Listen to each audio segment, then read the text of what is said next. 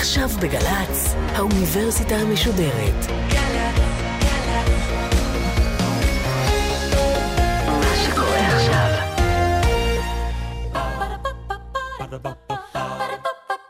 מה האוניברסיטה המשודרת בשיתוף מיזם וויז מציגה המדען העירום, מיטב החוקרים בישראל בשיחה עם בן שני, אחד על אחד, מול קהל. והפעם שיחה נוספת עם הפרופסור רונית סאצ'י פיינארו מאוניברסיטת תל אביב על מחלת הסרטן וננו-טכנולוגיה. עורכת ראשית, מאיה גאייר.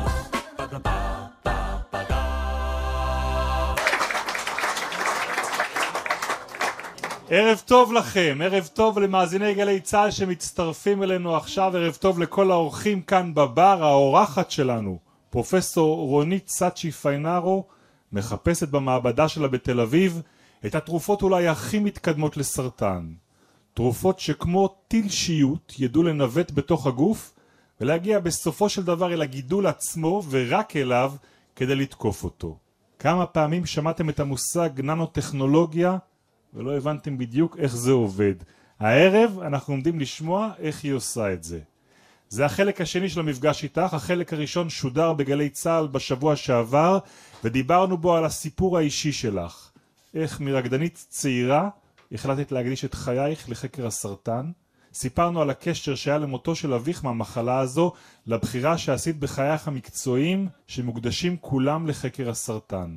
דיברנו על סרטן בחלק הראשון, אמרנו שעד כמה שזה נשמע מפחיד, לכולנו יש בגוף גידולים קטנים או תאים סרטניים, והמחלה הזו הופכת קטלנית כשהגידול מפתח בתוכו כלי דם שמספקים לו את היכולת לגדול ולהצמיח גרורות. כאן למעשה נכנסות התרופות שאת עובדת עליהן לעבודה. הן למעשה מנסות להשתמש בתכונות המיוחדות של כלי הדם על הגידול את הסברת לנו שהבעיה בכלי הדם האלה, או היתרון הגדול שלנו יש שאנחנו רוצים לרפא סרטן, היא שהם לא שלמים, שיש פרצות קטנות שאת מנסה להגיע אליהן. נכון. מה גודל הפרצה? זה משתנה. זאת אומרת, גם גודל הפרצה משתנה, אבל זה סדר גודל של 100, 200 עד 500 ננומטר. תסבירי ננומטר, תני לנו איזשהו קנה מידה שנבין למה את מתכוונת. ננומטר זה 10 במינוס 9 מטר, וכפי שסיפרתי שבוע שעבר, ננומטר אחד לכדור טניס זה כמו כדור טניס לכדור הארץ. אז כשאנחנו מדברים על ננומטרים כמשהו מאוד מאוד קטן, מבחינת כלי הדם שלנו זה יצור ענק. זה במקום מולקולה זה נקרא מקרו-מולקולה. זה מולקולה ענקית, שאם נזריק את זה לווריד, עכשיו זה יסתובב בזרם הדם ולא יצא בשום מקום. כי הוורידים שלנו שלמים, אין בהם את הפרסות. הם צינורות שלמים, אדוקים בין התאים, והם מאוד מאוד צפופים. הם מאפשרים כמובן מעבר של חלבונים מסוימים, מאפשרים מעבר של חמצן, של חומרי הזנה, ויטמינים, מינרלים, כל מה שכל איבר ואיבר אה, דורש בשביל בעצם להתקיים.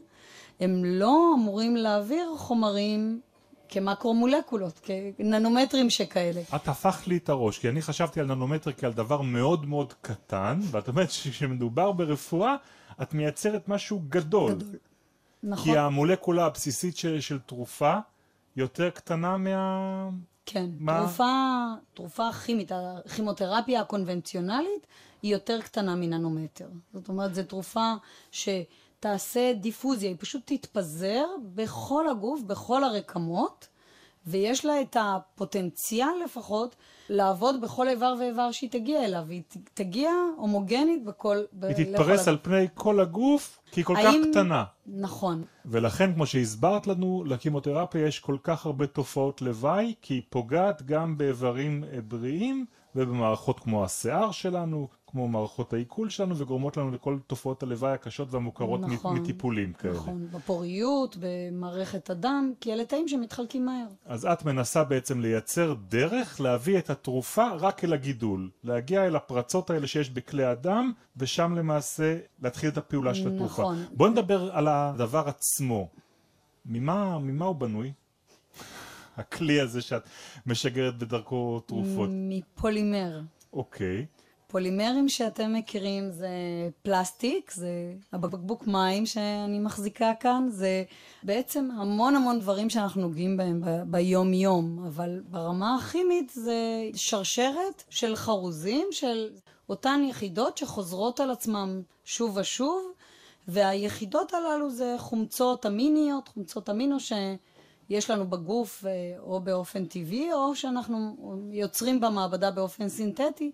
שאנחנו יכולים לעצב אותו בדרך שיראה כמו כדור ננומטרי כזה של 100, שהקוטר שלו הוא 100 ננומטר, או בצורה של שרשרת, כמו איזה ספגטי כזה, שבעצם יאפשר לו הרבה יותר טוב לצאת מכלי אדם אחרים, ואז להגיע לכל מיני מקומות בתוך הרקמה הסרטנית. מה, אתם בונים לו ממש מאפיינים כמו משוטים, או משהו שמאפשר כן, זרימה או- ותנועה? ההכוונה הפסיבית הזאת שמתבססת רק מכנית, פיזיקלית על החורים, זה רק חלק מהסיפור.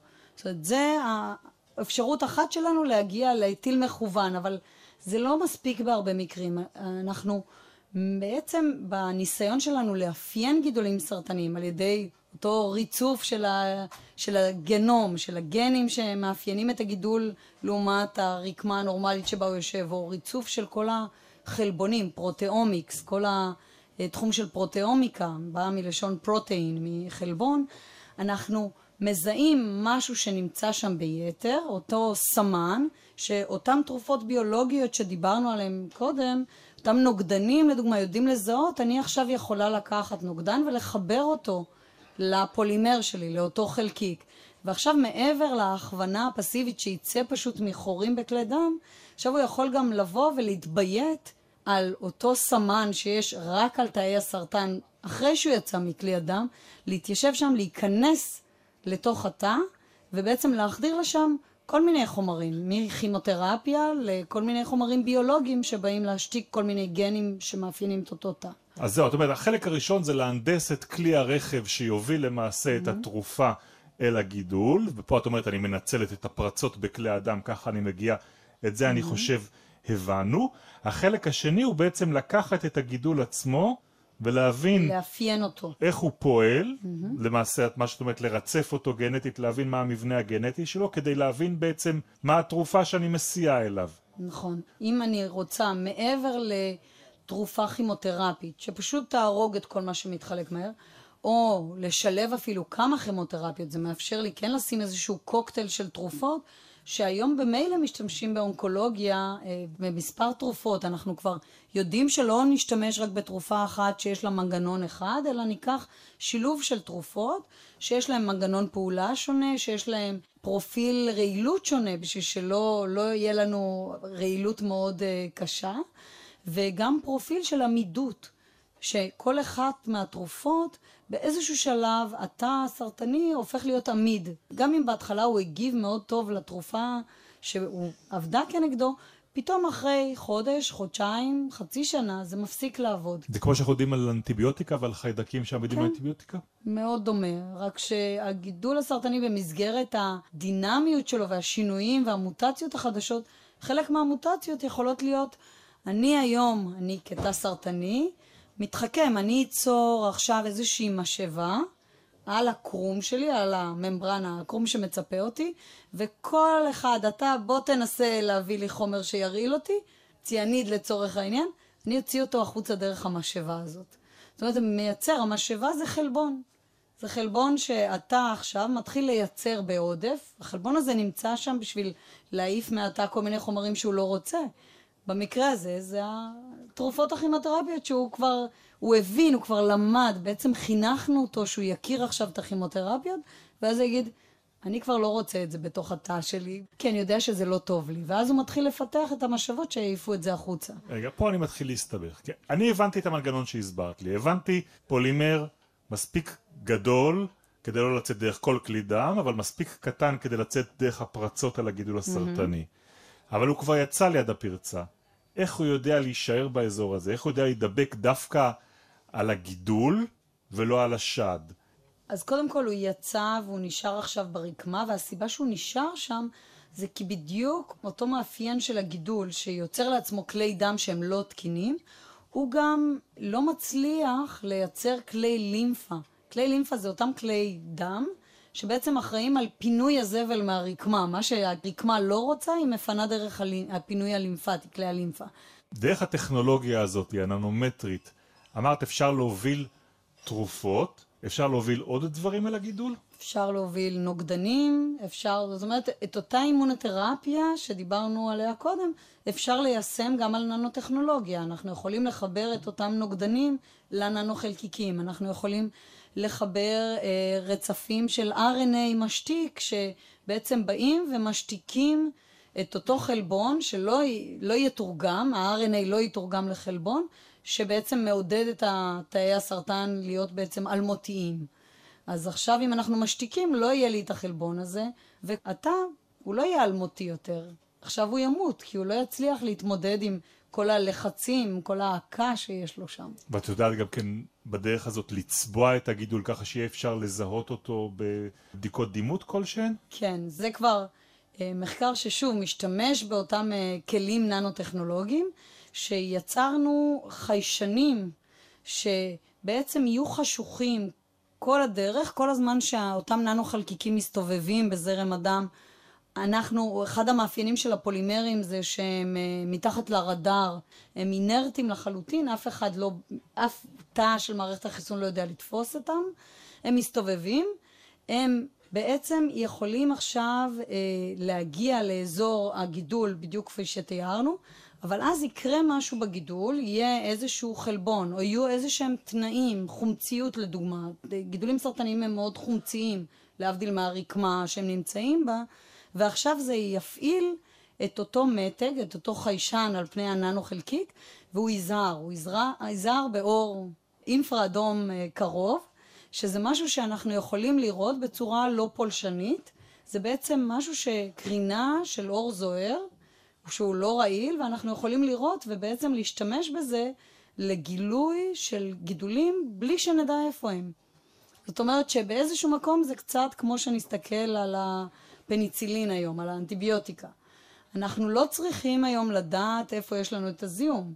זאת אומרת שמספיק שנדע על ידי uh, משטח גרון או על ידי uh, בדיקת דם או שתן שיש איפשהו חיידק כלשהו, ועכשיו ניתן אנטיביוטיקה והיא תדע כבר למצוא את, ה, את אותו חיידק. אז פה אנחנו נותנים את הננו חלקיק הזה שיסתובב, ורק כשהוא יצא דרך אותם כלי דם חריריים, ויפגוש שם את אותו גורם שיכול להדליק אותו, נראה את האור הזה שפתאום ידלק ויסמן לנו, מצאתי גידול. ואם אני מבין נכון את מה שהסברת לגבי הריצוף הגנטי של הגידול, אתם רוצים לכוון את התרופה לגידול שלכם, זה לא מספיק שיהיה מדובר פה בגידול אה, בשד ויהיה לכם איזשהו משהו גנרי לכל הגידולים האלה, אתם רוצים להוציא איזה נתון בעצם מהגידול? נכון, אנחנו בעצם רוצים אה, למצוא איזה חלבונים שיש להם יכולת ככה להזיז את המתג מעוף להון, להדליק אותו, נמצאים או אך ורק בגידול, או ברמה הרבה יותר גבוהה בגידול, שהדלתא יהיה מאוד גדול.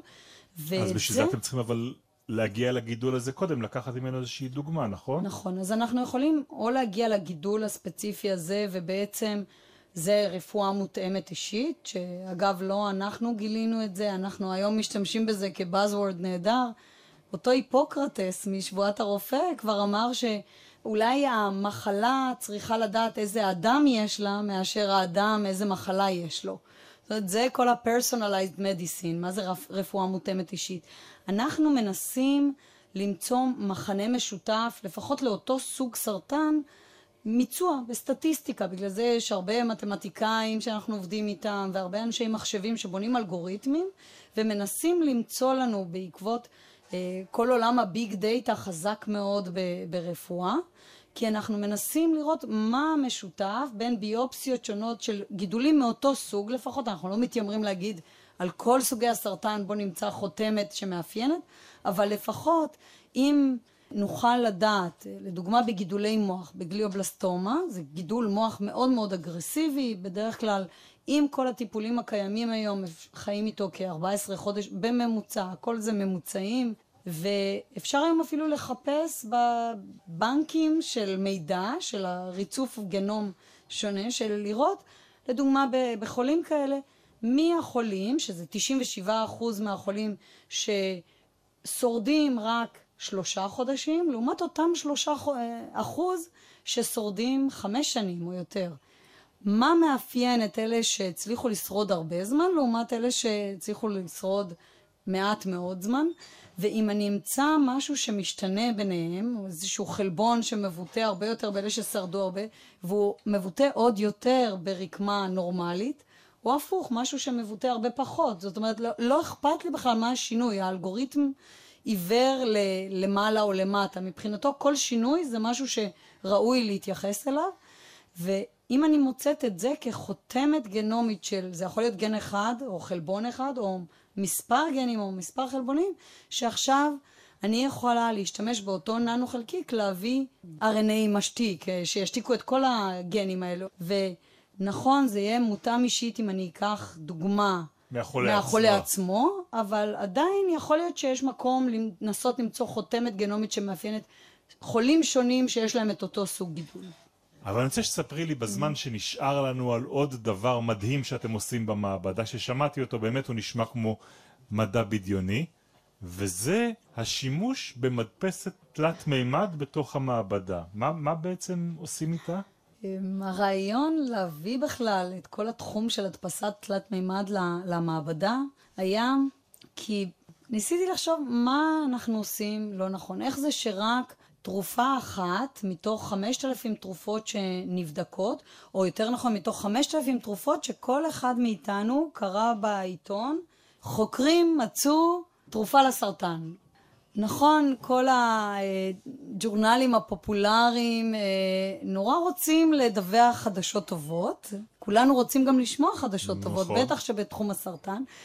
אה, ואני חושבת שהם לא משקרים, באמת יש פריצות דרך אדירות בתחום, כל הזמן.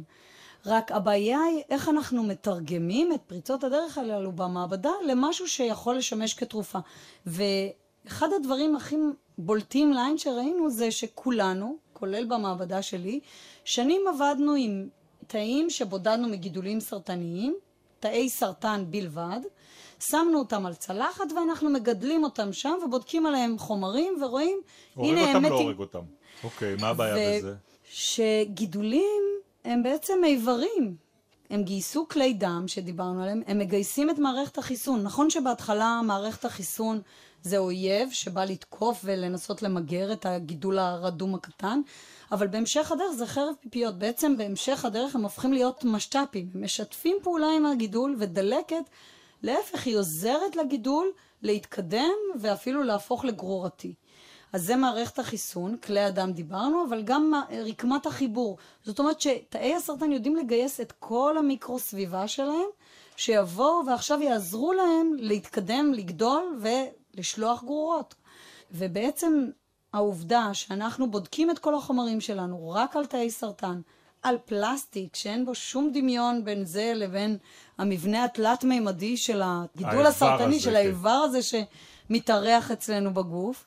פה הכשל. זאת אומרת שא', צריך את כל התאים שמעורבים ברקמה הזאת, ברקמת הסרטן, אז זה שילוב, אז תגיד, אוקיי, קחי אז אה, תאי, תאי אנדוטלת, התאים שמרכיבים את אותם צינורות של כלי דם, ותקחי תאי סרטן ותזרקי אותם ביחד על צלחת. אבל זה לא רק זה, אנחנו צריכים את מערכת החיסון, ואנחנו צריכים את רקמת החיבור, ואנחנו צריכים שכל אלה יהיה במבנה תלת-מימדי, שמאפשר גם בפנים שייווצרו כלי דם, וזה מדהים לראות את זה, אנחנו רואים תאי אנדוטל, הם נורא חכמים, הם יודעים להתארגן לבד, בהינתן התנאים הנכונים. רגע, אני רוצה להבין, איך את בכלל בונה את זה? אוקיי, okay, אז אנחנו מתחילים מ-MRI או CT של חולה, עוד לפני הניתוח. זאת אומרת שיש לנו קשר עם המנתחים ששולחים לנו את uh, תמונות הדימות, את אותו, אותו פייל שאנחנו יודעים לתרגם. איך נראה הגידול כשהוא בתוך המוח? איך הוא נראה. עכשיו יודעים לתרגם את זה לתוכנה, לפייל שמדפסת תלת מימד יודעת לקרוא את זה, זה לא אנחנו המצאנו, זה ידוע איך לעשות את זה, יש uh, תוכנות שממירות את זה. ועכשיו, ביום הניתוח, אנחנו יכולים לקחת את חלק מהגידול, והרעיון הוא עכשיו לקחת, לפרק אותו לכל התאים שנמצאים שם, כולל המטריקס, אותו ג'ל שיש שם, שמצפה את כל התאים, ועם כל החלבונים ותאי מערכת החיסון ותאים שמרכיבים את כלי דם, ועכשיו לשים את זה למעשה בראש דיו של המדפסת, וזה יוצא לפי התוכנית ש, שאמרנו איך, איך אותו גידול נראה באדם, ועכשיו אני מדפיסה את זה למבנה תלת-מימדי. אבל הוא גם כן מתנהג, זאת אומרת, התאים שהרכיבו בגידול את החלק של הגידול, והתאים שהרכיבו את כלי הדם שעוטף אותו, מתמיינים למקומות שלהם ב... מתמיינים ב... זה מילה אחרת, זה מתאי גזע למה כן. הם מתמיינים. במקרה הזה הם יודעים להתארגן בצורה עצמאית. אם אנחנו נותנים להם חומרים, את אותם חלבונים, לדוגמה לתאי אנדוטל, שהתארגנו בצורת צינורות, אם נשים אותם שם בתוך הג'ל הזה, הם ידעו להתארגן באופן עצמאי בצורת צינורות. אנחנו פשוט צריכים להכתיב להם, לתת להם את החלבונים האלה שאומרים להם תיצרו צינורות, וליצור להם את הצינורות כפי שהיו בתמונת הדימות של אותו חולה. וללכת ולבנות את הצינור הם יודעים... אה, את זה הם יודעים כבר לעשות לבד. עכשיו זה מחקר בתחילת דרכו, יהיה עוד הרבה כשלים בדרך, אבל מכל כישלון בדרך אנחנו לומדים ומשפרים את המערכת. אבל מה שאני לא מבין, הרי המנתח הוציא את הגידול במלואו. את יכולה לקחת אותו אם כל כך את רוצה, ולהתחיל לטפל בו במעבדה שלך כמו שהוא שלף אותו מבפנים. אבל איך הוא יחיה? אנחנו צריכים להזרים בו דם, אנחנו צריכים להביא לו את כל הדברים שהוא צריך, וברוב המקרים, מה שיקרה אם שמים אותו על צלחת, זה שרק תאי הסרטן ישרדו, כל השאר ימותו. ועכשיו, מה שזה גם מאפשר לי זה להדפיס אותו מאה פעם, ולבדוק עליו חומרים שונים, ולחזור על כל המודלים האלה, לבדוק כימותרפיות שונות, או אם נמצא, אה, נאפיין אותו על ידי ריצוף, כי אפשר מחלק מהתאים לקחת ולרצף אותם, לריצוף גנטי, לראות מה מאפיין אותם, ואז ישר לנסות על המודל ולא על הבן אדם. חומר שאנחנו לא יודעים איך זה ישפיע עליו. זאת אומרת, את בנית את הגידול במעבדה שלך אחרי שניקו אותו מגופו של האדם, וכשיש לך את הגידול הזה שהוא איבר חי אצלך במעבדה, את מנסה עליו כל פעם תרופה חדשה, ואם זה לא עובד, את מדפיסה משהו חדש. עוד אחד. זה הרעיון, הדרך עוד ארוכה. אוקיי. כן. לא, נשמע לי כרעיון נפלא, נשמע לי נורא יקר. זה הרבה פחות יקר מדברים אחרים שאנחנו עושים, כמו לגדל את הגידול בחיות שמונדסות גנטית, שלא יהיה להם מערכת חיסון. והיום יש גם חברות שמייצרות כאלה מודלים בעכברים, שלוקחים חתיכה מהגידול, משתילים בעכבר, ועכשיו מעבירים את זה מעכבר לעכבר.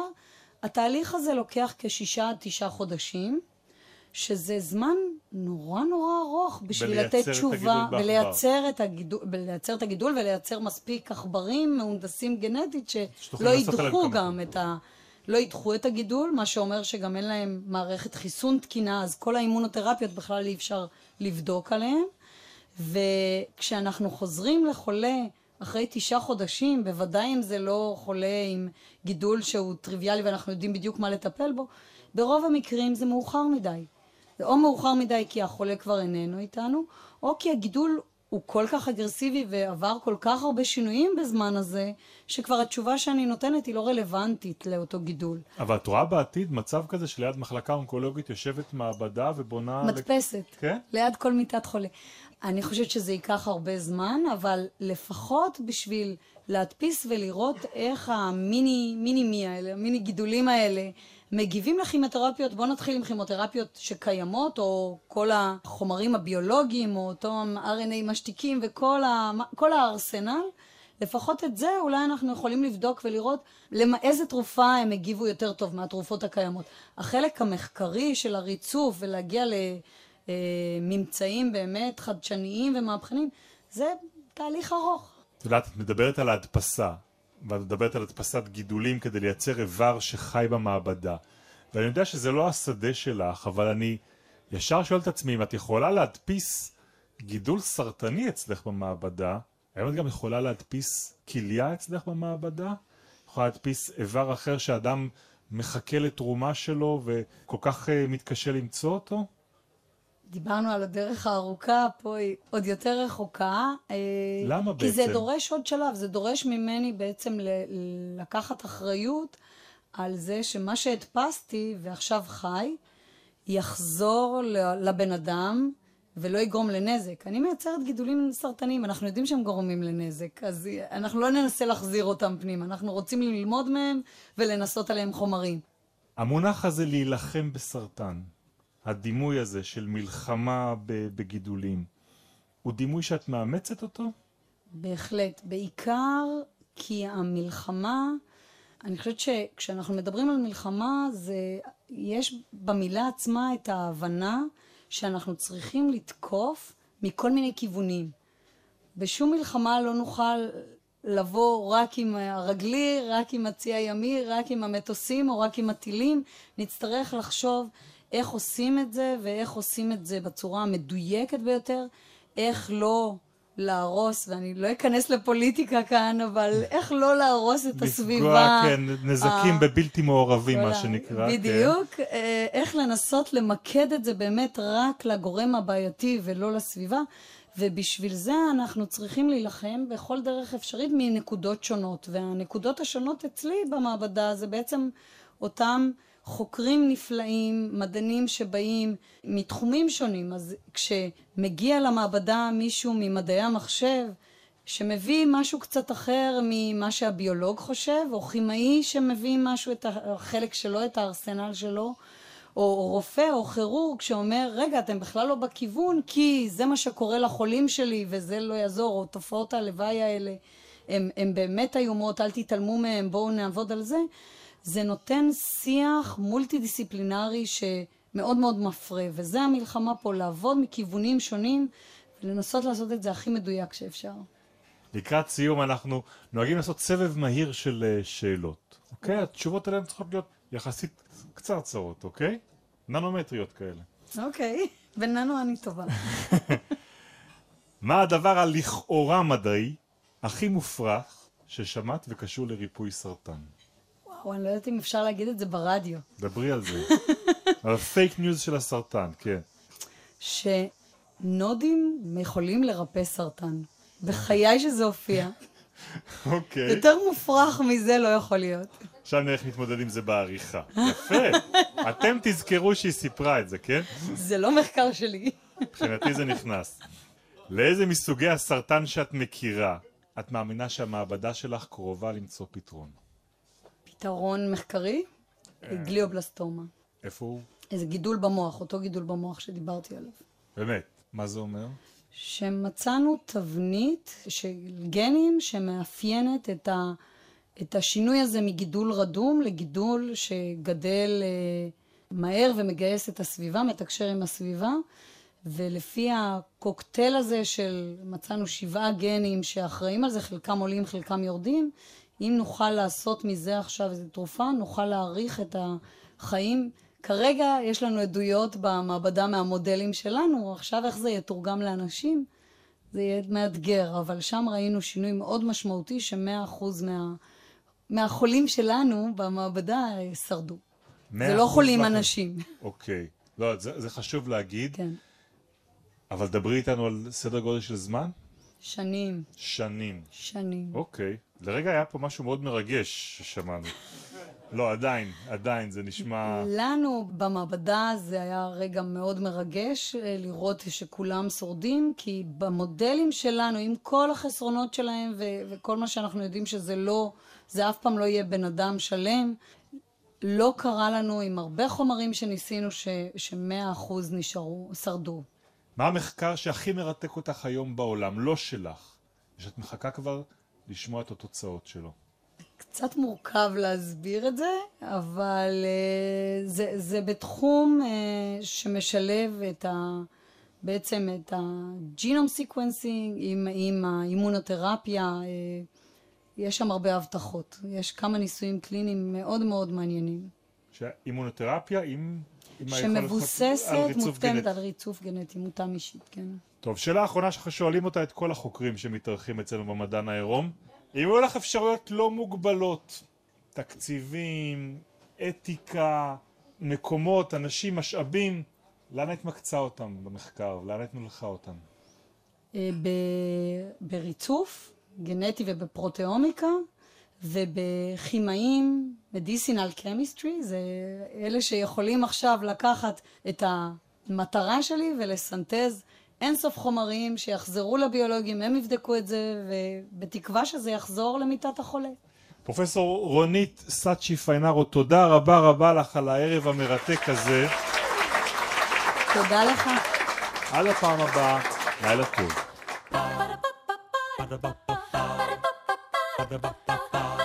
ba ba ba ba ba ba האוניברסיטה המשודרת, המדען העירום. בן שני שוחח עם הפרופסור רונית סאצ'י פיינארו מאוניברסיטת תל אביב על מחלת הסרטן וננו-טכנולוגיה. עורכת ראשית, מאיה גאייר. עורכות ומפיקות, אביגיל קוש ותום נשר. ביצוע טכני, אילן גביש ודניאל שבתאי. מנהלת תוכן, מאיה להט קרמן. האוניברסיטה המשודרת, בכל זמן שתרצו באתר וביישומון של גל"צ וגם בדף הפייסבוק של האוניברסיטה המשודרת.